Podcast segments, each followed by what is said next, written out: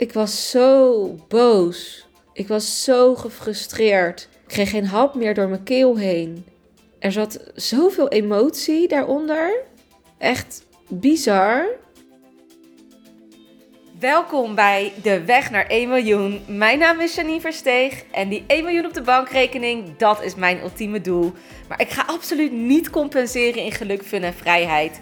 In deze podcast deel ik met jou hoe jij als vrouwelijke online onderneemster ook big bold brave moves maakt om zo snel mogelijk die enorme overvloed te gaan ervaren. Heel veel luisterplezier.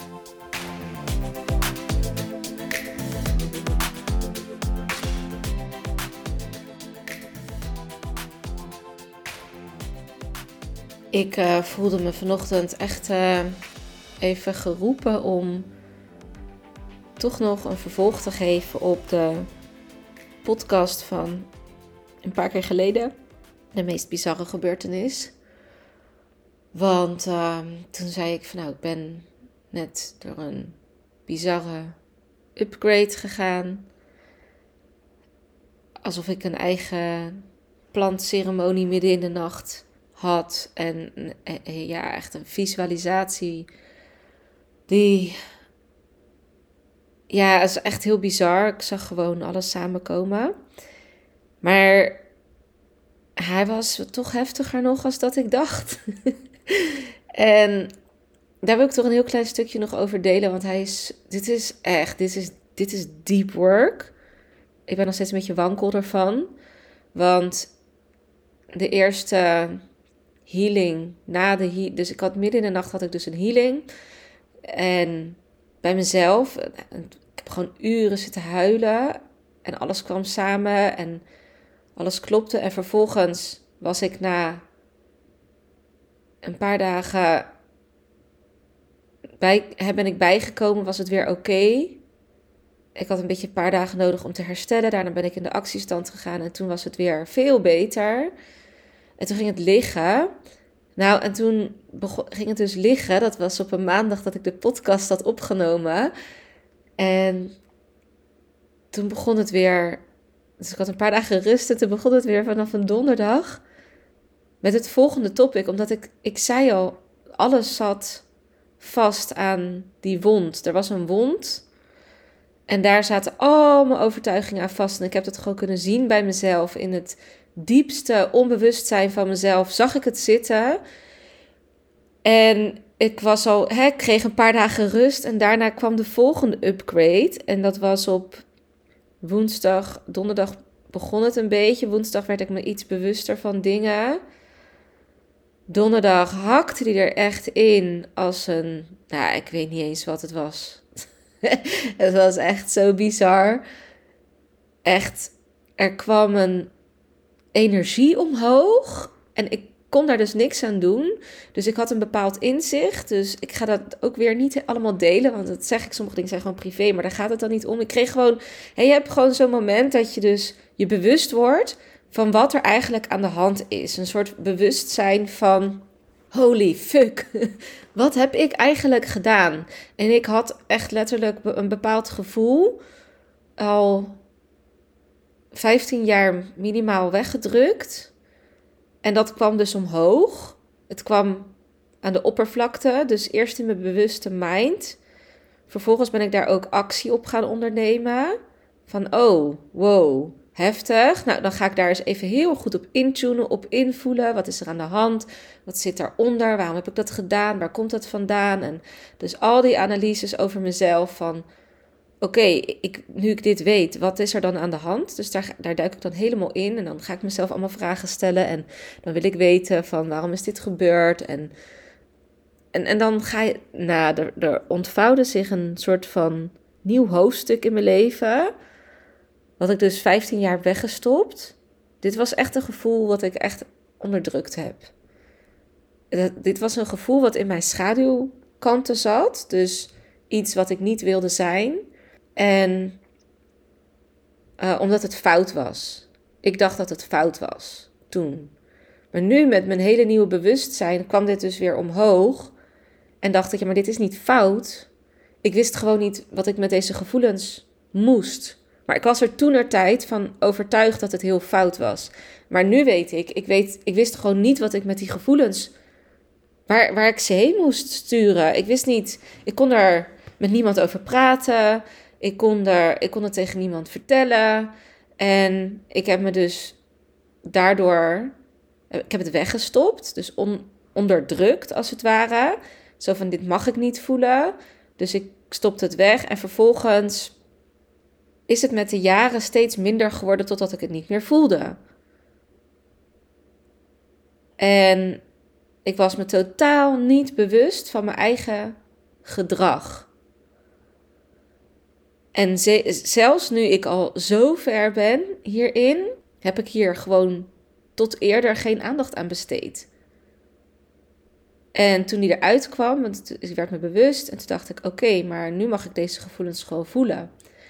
Dus ze mogen er gewoon zijn en ik kan ook plaatsen wat er aan de hand is. Dat kon ik vroeger niet. Ik, ik had niet de mogelijkheid om te snappen dat dingen uit mijn jeugd kwamen. Wat er gebeurde, waarom ik die gevoelens had. En als je dat dus allemaal niet snapt, dan denk je dus dat je soms fout bent. En dat het niet mag. En dat als je dat dus denkt of voelt, dat je een slecht persoon bent. Nou, en dan mag het er dus niet zijn. En toen heb ik het dus omhoog gehaald. Ik ben het gaan doorvoelen. Ik kon het ook niet meer onderdrukken, want dat was. Ik had de optie om het weer weg te stoppen. Ik wist van ja, ik kan het weer wegstoppen nu. Maar daar los ik niks mee op. En, en dat is niet zo makkelijk. En er zat ook echt nog veel meer aan vast. Ik had, vervolgens had ik dus eczeem, wat direct uitbrak aan alle kanten. Echt overal over mijn hele lijf. Ik had een bloeddruk die net onder controle was, die de lucht inschoot naar zo hoog als, als voor mijn bijgestelde medicijnen. Dus moet je je voorstellen, ik had medicijnen voor mijn bloeddruk. Die waren niet echt uh, goed meer, zeg maar, of niet goed genoeg meer, want mijn bloeddruk was al iets te hoog. Toen heb ik extra medicijnen gekregen. Daardoor was het onder controle maandenlang en ineens was het dus nog hoger als voordat ik die medicijnen had. En ik, ik was zo boos. Ik was zo gefrustreerd. Ik kreeg geen hap meer door mijn keel heen. Er zat zoveel emotie daaronder echt bizar. En die heb ik losgelaten. Dus ik heb ook weer actie ondernomen. Dus ja, emoties waren er. Ik kon er echt niet heel veel meer aan doen. Soms heb je wel eens zo'n emotion release. Hè? Dan kan je lekker uh, gewoon zorgen van, nou, die emoties die kan je wel kwijtraken door gewoon ze lekker te doorvoelen. Nou, ik doorvoelde ze, ze gingen niet weg. en dat drie dagen lang. Drie dagen lang, van ochtends tot s avonds. Je echt bizar voelen, slecht slapen. Ik was niet ziek als in ziek, maar wel mijn lichaam vertoonde bepaalde dingen waardoor ik dus ja, eczeem, astma, echt de hele dag door last van mijn astma, bloeddruk, hoog bloeddruk. Dan ben je ook een soort van ziek misschien eventjes. Dus mijn lichaam moest zoveel releasen. Nou, en toen ben ik daarmee aan de slag gegaan, actie op ondernomen wat ik moest doen. Want bij schaduwwerk, healingen, hoort het ook zo te zijn dat je dat niet bij jezelf houdt alleen, weet je. Mag wel, maar dan duurt het nog langer. En dus ik heb uh, ik heb het ook gedeeld met de mensen waarmee ik het wilde delen zodat het opengebroken kon worden. Want dat is wat het is. Hè. Als je het voor jezelf houdt, dan had ik er dus weer zelf mee moeten dealen van mezelf. Omdat ik het niet tegen anderen kon zeggen. En dat heb ik niet gedaan. Want dat, dan heeft het dus geen zin. Uh, vervolgens heb ik het dus gedeeld met de mensen waarmee ik het wilde delen. En nu dus een stukje met jou, ook al weet je niet waar je het over gaat. Maar wel gewoon inhoudelijk met mensen gedeeld. Zodat ik dat gevoel van schaamte, van ja, van niet alleen schaamte, maar ook van het mag er niet zijn, et cetera. Door het met mensen te delen mag het er wel zijn. Erken ik mezelf? Mag ik gewoon zijn wie ik ben? Want dat gevoel hoort bij mij. Waar het ook vandaan is gekomen uit trauma uit mijn jeugd, ook al vind ik nooit dat ik hele grote trauma's heb opgelopen. Blijkbaar waren ze groot genoeg om me zo rot te voelen. En dan vind ik dat je het nog steeds wel een trauma mag noemen. En toen eindelijk vanaf zaterdag ging het al iets beter. Niet echt heel veel beter. Gewoon behapbaar. Laat ik het zo zeggen, behapbaar. Zondag merkte ik dat het nog dat het al veel meer naar buiten was gekomen. Maandag wilde ik de hele dag soort van uitbrakken. Ik wilde gewoon gisteren de hele dag onder mijn deken liggen. Ik wilde echt helemaal niks doen. Ik heb mijn man, de kinderen naar school laten brengen. Ik heb ze naar de tandarts met ze laten gaan. Ik heb ze naar de sporten laten brengen. En ik lag op mijn bed met mijn laptop gewoon te werken. En ik, dat lukte ook niet echt. Een series te kijken en onder mijn deken. Gewoon waar ik er ook maar zin in had. En waar ik zin in had om te eten, dat at ik. Want daar had ik ook gewoon zin in. En mijn lichaam had behoefte aan bepaalde dingen. En oh my god. Ah, het was het vandaag. En vandaag voel ik eindelijk een soort van. Ik voel me een soort van herboren. Herboren. Uitgerust.